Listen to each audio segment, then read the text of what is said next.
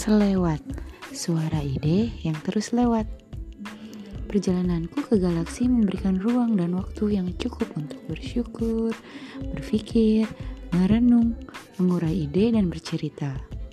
Bercerita dariku dan untukku. Kadang ingin ku menguasai dunia dari bagianku.